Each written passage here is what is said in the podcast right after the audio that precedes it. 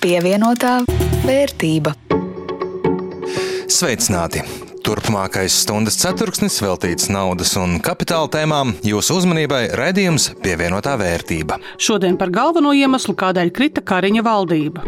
Vismaz tā saka finanšu ministrs par valsts un pašvaldību uzņēmumu daļu kotēšanu biržā.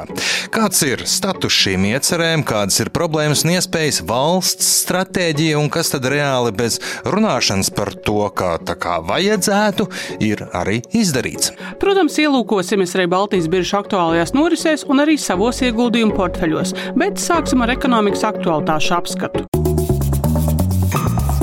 Pievienotā vērtība. Šonadēļ noteikti turpināsies viens būvnieku pasūtītāju strīds un iespējams būvobjekta pārņemšana iesaugstos toņos ar policijas iesaisti. Tu par stradiņu jauno korpusu? Protams, tur no vienas puses slimnīca, kura saka, ka pagrabs bija sapelējis, būvdarbi nenotiek, viss beidzam mocīties, ņemam citu būvnieku.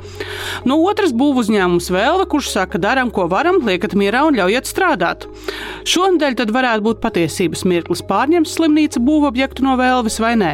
Slimnīca ir apņēmības pilna. Nedosiet ar labu, nāksim ar policiju, bet nemainīgs paliek tas, ka celtniecība kavējas, jo atrast jaunu būvnieku projektu pabeigt nebūs viegli.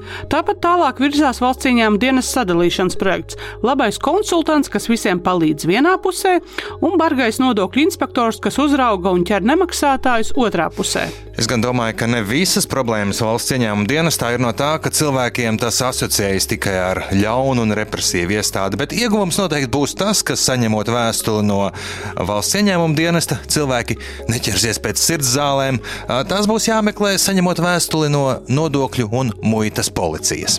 Lauksaimnieku neapmierinātība, lai gan šodien protesti izpaliek, arī nekur nav pazudusi.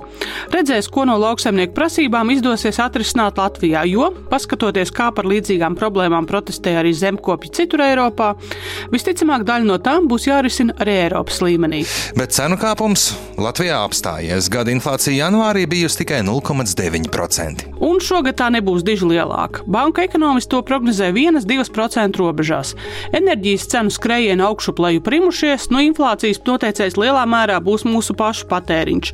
Protams, tas viss ar tradicionālajām atrunām par to, ka pasaule ir neparedzama un kārtējais negaidītais globālais satricinājums var visas prognozes padarīt vēstures miskastē metamas. Un mēs šeit varam sākt ieviest uh, pastāvīgo rubriku Nedienas satiksmes ministrijas uzņēmumos. Šoreiz Latvijas pasta padome sekoja pasažieru vilciena padomas pēdās un arī atkāpās no amatiem. Ministrija piesauc dārgas balles un apmācību braucienus. Padome atbildi parādā nepaliek un saka, ar šo ministriju komunicēt nesot iespējams. Nu, raugoties uz tendencēm, pārējo satiksmes ministriju uzņēmumu padomus iespējams arī satraukt raugās apkārt. Kas tad tur viņiem ir? Lidost Rīga, Latvijas valsts ceļi, CSDD, Latvijas autoceļi ceļu uzturētājs tam laikam ar pavasari un bedrēm varētu būt tā vairāk nepatikšana. Bet nu noslēgumā viens interesants fakts, kas atzīšos, mani pārsteidza. Svetbank dati liecina, ka gandrīz ceturtā daļa pircēju norēķinās ar vietu tālruni. To, ka telefons pīkstina daudz redzu, bet 23% tas bija negaidīti. Turklāt pīkstinot telefonu vidējais pirkums ir virs 41 eiro, kas ir lielāks nekā vidējais pirkums, kad maksājam ar karti. Tur 18 eiro. Savā ziņā loģiski tie, kas var atļauties dārgākus telefonus, pulksteņus, gredzenus un citādas ierīces, kurām var pieslēgt maksājumu funkciju, arī vairāk patērē par vienu pirkumu. Mēs esam sagatavojuši labu augsni kapitāla tirgus attīstībai, un mēs turpināsim to uzlabot. Lauks ir uzrakts, lauks ir uzrušināts, ir prieks uz to skatīties, bet, lai situācija būtiski mainītos, ir nepieciešama jau paaugušie stādi, kas var dot ātrāku ražu. Iespējams, uh, lauksaimnieku protestu iedvesmots tik tēlēni Latvijas kapitāla tirgus fórumu aizītajā nedēļā atklāja Latvijas bankas prezidents Mārtiņš Kazāks, atgādinot, ka ekonomikā nauda ir, pēdējo gadu laikā ir daudz kas paveikts, bet tā teikt, lai gan prieks ir, praktisks rezultāts vēl īsti nav. Lai būtu, valstī jāizdara savs darbs un solītais. Mūsu pašu uzkrājuma apjoms Latvijā ir mērāms miljardos eiro, bet aktivitāte kapitāla tirgu tikai miljonos eiro. Un, lai dotu būtisku grūdienu kapitāla tirgus attīstībai Latvijā, ir nepieciešams valsts un pašvaldību kapitāla sabiedrību akciju kotēšana biržā. Lai valsts un pašvaldības uzņēmumi tiktu līdz biržai, vispirms ir vajadzīgs politisks lēmums un vēlme. Nespēja vienoties par šo jautājumu bija iemesls, kādēļ sabruka Kariņa valdība. Tā atklāja finanšu ministrs Arvils Ašerādens. Šajā politiskajā ciklā, es domāju, no vienām vēlēšanām līdz otrām, uzsākot politisko ciklu, vissmagākā diskusija bija par kapitāla tirgu. Vai viņus vispār vajag vai nevajag, vai valsts iesaistīsies.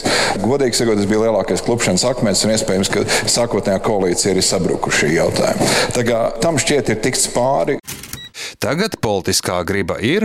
Par jaunāko ziņojumu esot saņemta virkne negatīvu ierēdniecības atzinumu un iebildumu, bet mērķis turpmāko 3 līdz 4 gadu laikā tikt līdz tirgus kapitalizācijai 9% apmērā no iekšzemes koprodukta ir palicis dzīves, skaidro ministrs. Praktiski tas nozīmē, ka valsts ir apņēmusies publiskā tirgu vērtības ziņā, tēlēni sakot, ielikt divus Latvijas energo izmēru uzņēmumus. Ministrs arī uzskaita, kurus uzņēmumus redz kā kotējumus biržā.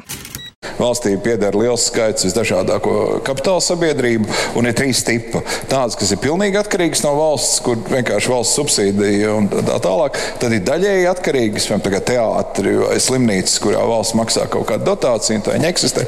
Un ir tīrā tirgus kapitāla sabiedrības, kurš vienkārši ar valsts relatīvi maz sakars ir un tā tālāk. Es šobrīd neredzu nekādu ierobežojumu tam, lai tīrā tirgus kapitāla sabiedrības būtu kotētas biržā. Kas ir pilnīgi skaidrs? Tātad ar Baltiku tas ir šogad, jā, tur nav šaubu, virzās uz biržu. Es neredzu nekādas problēmas, kādēļ mūsu abas telko kompānijas varētu būt biržā, TET un LMT. Tur pilni brīvā tirgu esošas kompānijas un būt virzāmas. Enerģētika drusku sarežģītāk. Es domāju, ka Igaunijas stratēģija par Latvijas energo meitas uzņēmumu virzīšanu biržā būtu ļoti jēdzīga. Esam pārnājuši par to. Diez vai vajadzētu turpināt ņemties ar to Latvijas valsts mēžu un kas tur, kas tur tas uzņēmums. Tur rezultāti tikpat kā nekādu nav. Es domāju, ka vajag ļaut Latvijas veidot Latvijas grīnu, tas zaļās enerģijas uzņēmumu. Prospekti ir ļoti labi un mums ir ļoti svarīgi, lai enerģētikas uzņēmums augtu. Tad ir vēl viena, kas būs ļoti smaga saruna - augstsprieguma tīkli. Ļoti laba kompānija, milzīgas kapitāla vajadzības, regulēta, izcils investīcija objekts pensiju fondiem. Ja? Izcils tur, kur mēs varam virzīt naudu. Pašvaldības, Rīgas ūdens, Rīgas nama pārvaldnieks. Ja par Rīgas ūdeni un it sevišķi ar Rīgas siltumu, apvienojot viņus, ir izveidot ļoti jaudīga kompānija. Viena no pieminētā uzņēmuma Sijātet izpildu direktors valdes priekšētājs Uldis Tatarčuks vaicāts par šķēršļiem un iespējām ceļā uz biržu ir diplomātisks, norādot, ka vispirms ir jāpaveic darbs šī brīža īpašnieku pusē, jeb akcionāru starpā jāvienojas par kopīgiem mērķiem un biznesa idejām, kurām kapitāls būtu nepieciešams. Bet lielākais ieguvums jebkuram uzņēmumam būtu, ja līdz ar došanos biržā uzņēmumi tiktu atpolitizēti. Neslēpsim, ka šī iešana biržā lielai daļai valsts kapitāla sabiedrību būtu arī iespēja uzlabot savu korporatīvo pārvaldību, kur būtu profesionāls padomes, nodalītas funkcijas un uh, skaidri definētas prioritātes, vīzijas un stratēģijas, un arī tad būtu tas akcionāru uzdevums, ko no šīm kapitāla sabiedrībām sagaida. Jo tāds ļoti populārs uzņēmums pēdējā laikā ir Latvijas pasts. Es nezinu, vai es gribētu pirkt viņa akcijas, jo es domāju, ka mums īsti nav skaidrs. Viņš pilda sociālo funkciju, vai viņam ir citi uzdevumi, vai viņa uzdevums ir sakaut Igaunijas pastu un uh, kļūt par lielāko Baltijā. Ja? Nu, tur rodas jautājumi. Un ja nav šī skaidrība, Un šie nosacījumi kopumā, gan no pārvaldības un tā tālāk, tad arī rodas jautājums. Jo, lai vajadzētu kapitālu, vajadzētu sākt ar to, ka ir biznesa ideja, kur viņi investēt. Ja tēta vadītājs stāsta ar puķēm, tad finanšu ministrs gan netur sveic zem pūru un atklāja, ka TET un LMT akcionāru starpā, tas ir valstī ar skandināvu telija, ir pamatīgas pretrunas. Ļoti cienu Tatarču kungu kā menedžeru, un arī viņš ļoti korekti izairējās no tās situācijas ārā. Es tikai kas viena lieta ir, kas ir nonākusi pie objektīva attīstības fāzes, kur mēs esam. Patiesībā mēs kādreiz bijām stāvā sajūsmā, kad toreiz tas saucās, kaut kā tas bija telefona, tai kompānija ienāca ārā tilts un pēc tam vienās tēlī un kas tur kas. Tur. Šobrīd patiesībā abiem akcionāriem ir milzīgs pretruns. Ja? Tēlī ļoti skaidri TET un LMT redz kā lokālu filiāli, kura Latvijā tur izpilda attiecīgas servisus un tā tālāk. Eh, savukārt mēs valdības pusē redzam to, ka abās kompānijās ir milzīgs attīstības potenciāls. Te to nodemonstrēja tehnoloģija attīstība. Tikko Tetam ir ļoti cienījama būvniecības kompānija, Citrus Solution, kas ir attīstīta. LMT ir milzīgs eh, skaits visdažādāko militāro tehnoloģiju, ko viņi gribētu attīstīt. Savukārt otram partnerim tas neinteresē, un viņi, tas, šis mums nē. Ja? Tātad kungs teica, jā, mēs Igaunijā arī varētu vai es zinu, arī citur ir plāni, ko darīt. Šis mums neinteresē, jums interesē tikai konkrēti izpildīt servisu pienākumu šeit, Latvijā. Nu, tā ir viena lieta, un tad ir tas jautājums, kas atgriezos pie augstgribas. Ja mums tāda ir, tad mums ir ļoti skaidra tēlī jārunā, kā būs tālāk. Vēl vesels pretrunu un mīnu lauks ir pašvaldības uzņēmumi. Rīgas pilsētas izpildu direktors Jānis Langa atklāja, ka vairāki pašvaldības uzņēmumi raugās biržas un kapitalizācijas virzienā, arī ambīciju un vīziju par izaugsmi tiem netrūkstot, bet augt ārpus Rīgas, lai uzņēmums būtu gana liels un interesants investoriem, esot ļoti sarežģīts uzdevums. Piemēram, tas, ka Rīgas siltumu varētu apvienot ar Rīgas ūdeni, nu, tas noteikti ir diskusijas vērts. Es tādu ideju pat nebiju dzirdējis, un noteikti mēs būtu gatavi to apsvērt. Ka skaidrs, ka Rīgas pašvaldības uzņēmumiem ir šī vēlme iet ārpus Rīgas, pirmkārt jau skatīties metropolu, otrkārt skatīties jau daudz plašākā tvērumā. Mēs esam diskutējuši gan ar akcionāru starpā, viņiem par to pašu Rīgas siltumu un ar padomu ar valdi.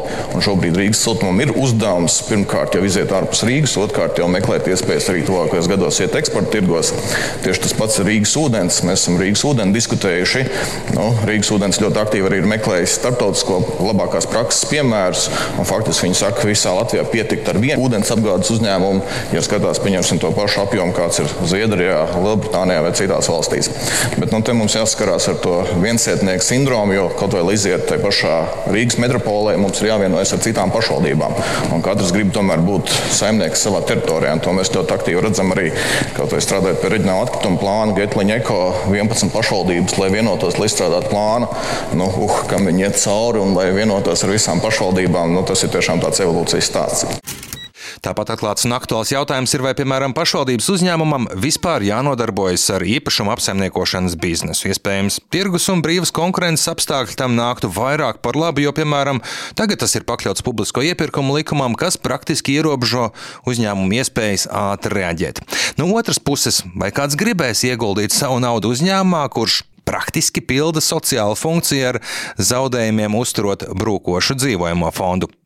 Bet šie jautājumi praktiski attiecas uz jebkuru valsts un pašvaldības uzņēmumu, kuras daļas nākotnē nonāks biržā, jo diez vai tikai ar patriotiskiem saukļiem par ieguldīšanu Latvijas ekonomikā vien pietiks.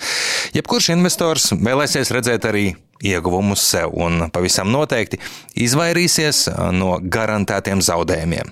Jā, un vēl, protams, privatizācijas pagātnes rēgi ir tie, kuri būs jāizgaiņā ar pilnīgu caurspīdību jebkuram uzņēmumam dodoties biržas virzienā. Pievienotā vērtība. Laiks ielūkoties, kas tad notiek Baltijas biržā šobrīd. Baltijas valstu Nasdaq biržās aizvītajā nedēļā kāpums reģistrēts tikai Viļņā. Rīgas biržas indeks samazinājies par 1,29%, Tallinas biržā bez būtiskām svārstībām savukārt Viļņā nelieli plusi 0,2%. Man šie nelielie viļņas plusi, jo mans portfels vairāk lietuvisks, nesuši apmēram 2 eiro klāt portfeļa vērtībai nedēļas laikā, un šobrīd tā ir 467,18 eiro. Kā tev? Manā portfelī attiecīgi, kā jau vēstīja Igaunijas vidējā temperatūra, ir bez būtiskām pārmaiņām, kā bija 402 eiro pirms nedēļas, tā arī šobrīd ir šī vērtība palikusi nemainīga. Priecājos, ka nav zem 400 pievienotā vērtība. Ar to arī skan šīs dienas raidījums pievienotā vērtība. To veidoja Jānis Ramāns un no Latvijas televīzijas Rudīts Pakauska. Par skaņu rūpējās Uldis Grindbergs. Atgādinu, ka šo un visus iepriekšējos vairāk gadu garumā raidījumus var dzirdēt Latvijas radio arhīvā, raidierakstu vietnēs un arī Latvijas radio lietotnē. Pievienotā vērtība.